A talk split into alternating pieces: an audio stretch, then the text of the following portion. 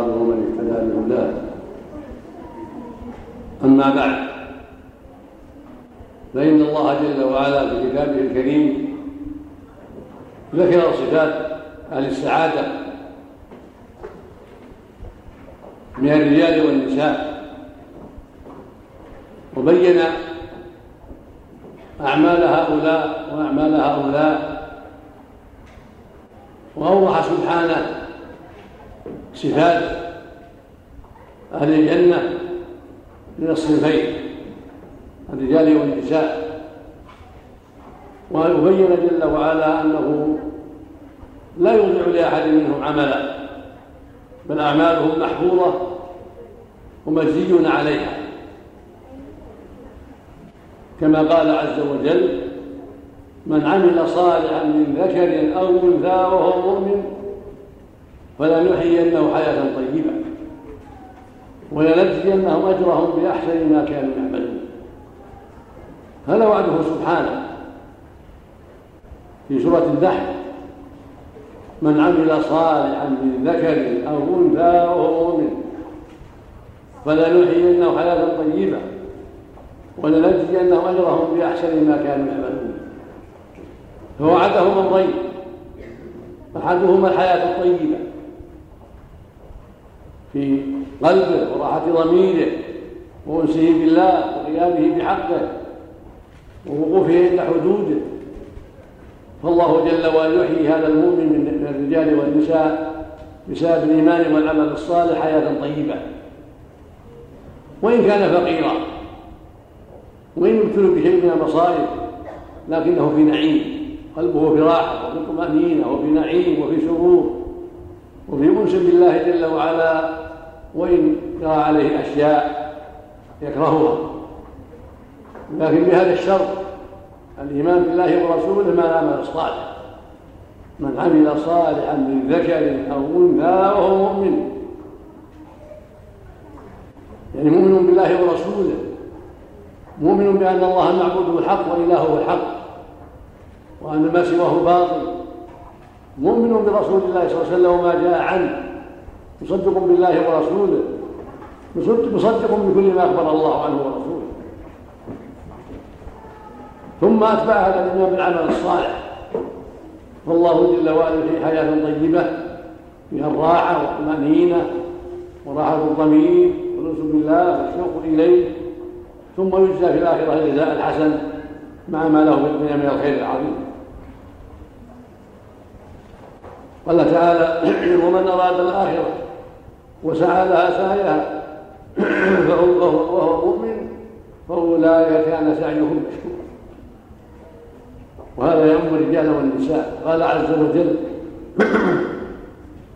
فاستجاب لهم ربهم أني لا أضيع عمل عامل منكم من ذكر أو أنثى بعضهم من بعض. والله جل وعلا يحفظ لهم أعمالهم ويجازيهم عليها سبحانه وتعالى. وأوضح في سورة التوبة وفي سورة الأحزاب. أعمال هؤلاء وأعمال هؤلاء.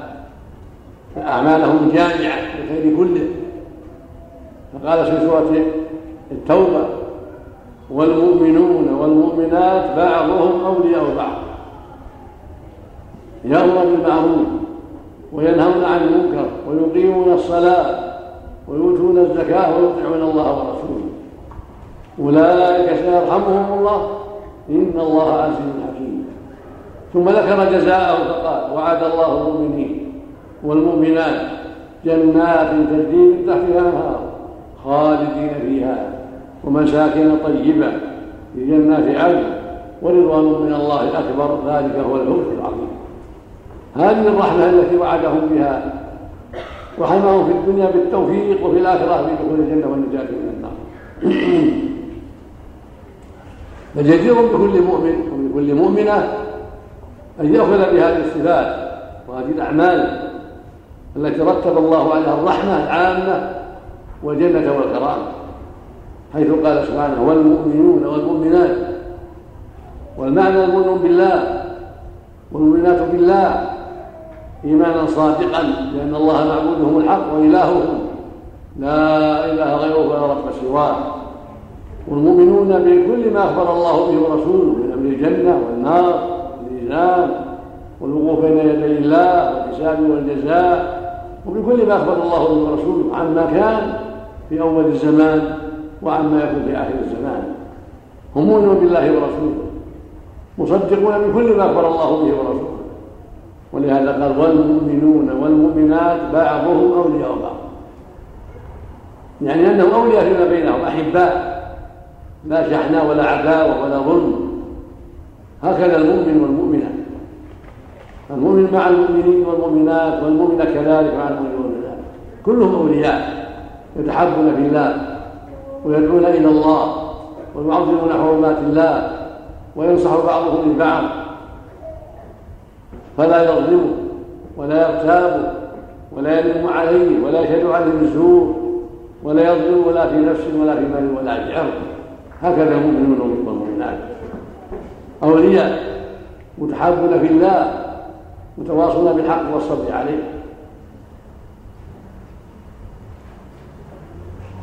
وبهذا يعلم المؤمن والمؤمنة أن الواجب عليه أن يكون هكذا وليا لأخيه وأخيه بالله وليا لأخيه المؤمن ينصح له ويحب له الخير ويكره له الشر. ويعينه على الخير وولي لأخته بالله المؤمنة. يحب لها الخير ويكره لها الشر. ويعينها على كل خير وينصح لها ولا يعتابها ولا يلم عليها ولا يشهد عليها بالزور ولا يظلمها. وهكذا المؤمنة. مع أخيها في الله ومع أختها في الله. لا تظلم ولا تغتب ولا تنم ولا تسلم بالزور ولا تؤذي في نفس ولا في مال ولا في ارض هكذا الولايه والمؤمنون والمؤمنات بعضهم أولياء بعض. ثم قال يأمر بالمعروف وينهون عن المنكر. هذه من ولايتهم. وهذه من أخلاقهم العظيمة. الأمر بالمعروف والنهي عن المنكر. ليس خاصا بالرجال دون النساء ولا بالنساء دون الرجال بل هو مشترك للجميع. فإذا رأى المؤمن أو المؤمنة لا المعروف قد ضيع أمر به. وإذا رأى المنكر نهي عنه. هكذا المؤمن. والمؤمنة فإذا رأت المؤمنة من أخيها من زوجها أو ولدها أو أبيها جارها إهمالا للمعروف أمرته بالخير ودعته إلى الخير إلى حفظ الصلاة وإقامتها إلى بر الوالدين إلى صدق الحديث إلى صلة الرحم إلى أداء الزكاة إلى صيام رمضان إلى غير هذا من المعروف. وإذا رأت من أخيها في الله أو أختها في الله من قريب أو بعيد منكرا. نهت عن المنكر. كالرجل. فإذا رأت من أختها في الله تقصرا في الصلاة نهتها عن ذلك. وأوضحت لها أن الصلاة عمود الإسلام وأن الواجب إقامتها على الجميع والمحافظة عليها في أوقاتها وإذا رأت منها تقصيرا في حفظ نفسها عما حرم الله منها التبرج أو التساهل بالخلوة مع الأجنبي أو إظهار محاسنها للأجنبي نهتها عن ذلك. عن هذا المنكر أن الواجب الحجاب الستر والبعد عما حرم الله. إذا رأت منها ظلما لأحد نهتها عن ذلك. كما تفعل مع الرجل. إذا عرفت أنها تقصد في إخراج ما تزكي أمرتها بالزكاة. إذا رأت منها تقصير في الصوم صوم رمضان أو تساهلا فيه أنكرت عليها ذلك وأمرتها بحفظ الصيام والحذر من سائر المعاصي سائر أوقاتها وهكذا. هكذا المؤمنون والمؤمنات أولياء يأمرون بالمعروف وينهون عن المنكر. ثم قال ويقيمون الصلاة يعني يؤدونها بغاية العناية. يقيمها يعني يؤديها كاملة. المؤمن والمؤمنة. والصلاة عمود الإسلام من حفظها حفظ دينه ومن ضيعها هو لما سوى عظيم. كما قال عز وجل حافظوا على الصلوات والصلاة الوسطى. هي العصر. قال تعالى وأقيموا الصلاة وآتوا الزكاة واركعوا مع الراكعين. وأقيموا الصلاة وآتوا الزكاة وأطيعوا الرسول لعلكم ترحمون. قال وأقيموا الصلاة إن الصلاة تنهى عن الفحشاء والمنكر. سبحانه والذين هم على صلواتهم يحافظون أولئك هم الوارثون. الذين يريدون الفردوس هم فيها خالدون. الفردوس على الجنة قال في سورة المعارج والذين هم على صلاتهم يحافظون أولئك في جنات مكرمون وقال النبي صلى الله عليه وسلم الصلاة من حافظ عليها كانت له نورا وبرهانا القيامة ومن لم يحافظ عليها يكون له نور ولا برهان ولا نجاة. وحشر يوم القيامة مع فرعون وهامان وقارون وأبي قال نسأل الله العافية. فالصلاة أمر الحساب الواجب العناية بها والمحافظة عليها في أوقاتها مع العناية بالطهارة واستكمالها وقد قال عليه الصلاة والسلام بني الإسلام على خمس على خمس دعائم شهادة أن لا إله إلا الله وأن محمدا رسول الله وإقام الصلاة وإيتاء الزكاة وصوم رمضان وحج البيت ثم قال ويؤتون الزكاة. الزكاة ركن ثالث من أركان الإسلام. لا بد من ذلك. على الرجال والنساء. ومن ذلك الحلي من الذهب والفضة كالقلائد والأسورة ولو أنها تستعمل. الصواب والصحيح أنها تزكى إذا بلغت النصاب وعلى عليها الحول. والنصاب أحد أحد عشر جنيه ونصف جنيه. عشرين مثقالا إذا بلغت النصاب هذا وحال عليها الحول تزكى تزكيها المرأة أو يزكيها عنها زوجها بإذنها. وهكذا بقية المال عندها ذهب أو فضة أو عروض تجارة للبيع تزكى إلى حال الحول ثم قال ويطيعون الله ورسوله. هذا من كمال صفاته لما ذكر أهمها هو الإيمان والولاية فيما بينهم والأمر بالمعروف والنهي عن المنكر وإقام الصلاة وإيتاء الزكاة قال ويطيعون الله ورسوله. هذا من تمام الإيمان وكمال الإيمان. طاعة الله ورسوله كل شيء. يقول سبحانه والمؤمنون والمؤمنات بعضهم أولياء بعض يأمرون بالمعروف وينهون عن المنكر ويقيمون الصلاة ويؤتون الزكاة ويطيعون الله ورسوله. في كل شيء الصيام في الحج في بر الوالدين صلاة الرحم في الحذر من الزنا والمسكر في الحذر من العقوق في الحذر من قطيعة الرحم. هكذا. يطيعون الله ورسوله كل شيء. يطيعون الله ورسوله في أداء الواجبات وفي ترك السيئات. قال سبحانه أولئك يرحمهم الله. من هذه صفته يرحمه جل وعلا بتوفيقه في الدنيا ونجاته في الآخرة. أولئك سيرحمهم الله بالتوفيق طاعته والهداية لأمره وفي الاخره ينجيهم من النار ويدخلهم الجنة سبحانه وتعالى بأسباب أعمالهم الطيبة وتقواهم لله وايمان به جل وعلا. والأعمال أسباب للنجاة. الأعمال الطيبة أسباب النجاة. والأعمال الخبيثة أسباب الهلاك والنار.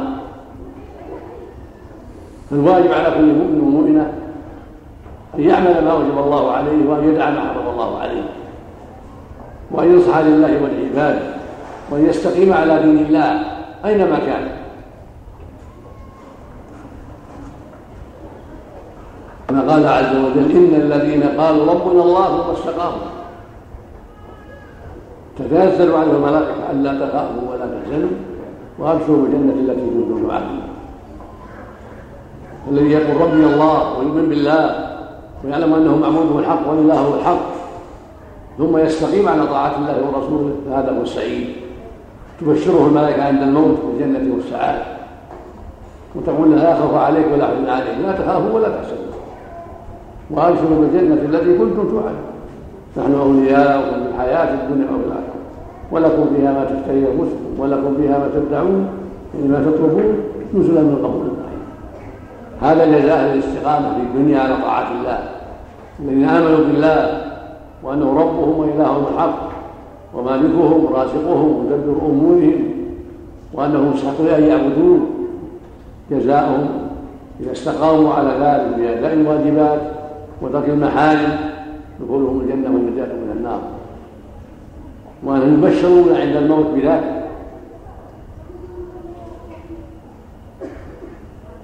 وصيتي لنفسي ولكم جميعا تقوى الله جل وعلا.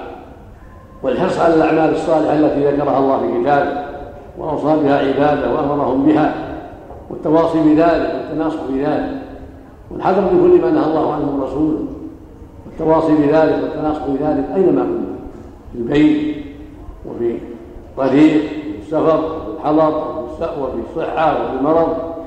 هذا الواجب على كل جميعا وعلى الرجال. التواصي بطاعة الله التواصي بحق الله التعاون على البر والتقوى الأمر بالمعروف النهي عن المنكر أداء ما اوجب الله ترك ما حرم الله هكذا يجب على المؤمن والمؤمن وفي سورة الأحزاب نوع الأخبار عن المؤمنين والمؤمنات وذكر جملة من الصفات فقال سبحانه وتعالى إن المسلمين والمسلمات والمؤمنين والمؤمنات والقانتين والقانتات والصادقين والصادقات والصابرين والصابرات والخاشعين والخاشعات والمصدقين والمصدقات والصائمين والصائمات والحافظين فروجهم والحافظات والذاكرين الله كثيرا والذاكرات أعد الله لهم مغفرة وأجرا عظيما. هذا جزاء على الإسلام العظيم. في سورة المؤمنون ذكر صفاتهم في لفظ المؤمنين. قد قال تعالى قد أفلح المؤمنون الذين هم لصلاتهم خاشعون والذين هم عند الله يعرفون والذين هم للزكاة فاعلون والذين هم لفروجهم حافظون إلا على أزواجهم أو ما ملكت أيمانهم فإنهم غير ملومين فمن ابتغى وراء ذلك فأولئك هم العادون. والذين هم لأماناتهم وعهدهم راعون راعون الأمانة والعهد. فلا يخون الأمانة ولا تخون الأمانة. ولا يغدر ولا تغدر. ثم قال والذين هم على صلواتهم يحافظون أولئك هم الوارثون الذين يدخلون الفردوس هم فيها خالدون. فالواجب تقوى الله على جميع الرجال والنساء. والمحافظة على أمر الله وترك ما نهى الله عنه ورسوله. والوقوف عند حدود الله. أبدا. باستمرار وثبات حتى الموت. كما قال سبحانه يا أيها الذين آمنوا اتقوا الله حق تقاته. ولا تموتن إلا وأنتم مسلمون. يعني ما نلزموا التقوى واستقيموا على طاعة الله ورسوله حتى الموت. وقال النبي صلى الله عليه وسلم واعبد ربك حتى يأتيك اليقين. هذا خطاب النبي صلى الله عليه وسلم. واعبد ربك يا محمد حتى يأتيك اليقين. وهكذا كل مؤمنا عليه يعبد الله وان يستقيم وان يتقي ربه حتى الموت. رزقنا الله وإياكم الاستقامة وهدنا جميعا لما فيه رضاه ووفقنا لكل ما فيه السعادة في الدنيا والآخرة. ومن أهم الأمور العناية بالقرآن والإكثار من تلاوته وتدبر معانيه والعمل بما فيه لأنه حبل الله المتين وصراطه المستقيم. وهو كتاب الله لله الباطل الذي يليه من قلبه تنزيل من حكيم حميد. وأوصيكن ونفسي بهذا الكتاب العظيم القرآن تدبرا تعقلا وإكثارا من تلاوته وعملا. كما قال سبحانه إن هذا القرآن يهدي للتي هي قل هو للذين آمنوا هدى وشفاء. كتاب أنزلناه إليك مبارك ليدبروا آياته وليذكر أولي الألباب. ويقول سبحانه وهذا كتاب أنزلناه مبارك فاتبعوه واتقوا لعلكم ترحمون. وهكذا ما تيسر من السنة السنة والعناية بها أحاديث النبي صلى الله عليه وسلم. المؤمن والمؤمنة كل منهما يعتني بالسنة. ويحرص عليها ويقرأ ما تيسر منها ليعمل ليعلم ويعمل مثل رجال الصالحين مثل بلوغ المرام مثل منتقى الأخبار الكتب المؤلفة في الحديث الشريف فيها خير عظيم وفوائد جمة فأنا أوصيكن بهذه الكتب المفيدة العظيمة بلوغ المرام جملة الحديث منتقى الأخبار رياض الصالحين. هذه كتب عظيمة في الحديث. ينبغي العناية بها. ولا سيما المدرسات وطالبات العلم وهكذا الأربعون النووية وتمامها رجب خمسون حديثا من جوامع الكلم مهمة. ينبغي حفظها لما فيها من الفائدة العظيمة. والله المسؤول ان يوفقنا جميعا لما فيه رضاه وأن يمنحنا ان يكون العلم النافع والعمل الصالح وأن يوفقنا جميعا الفقه في الدين والعمل بما يرضيه سبحانه. إنه سميع قريب وصلى الله وسلم على نبينا محمد وعلى آله وصحبه.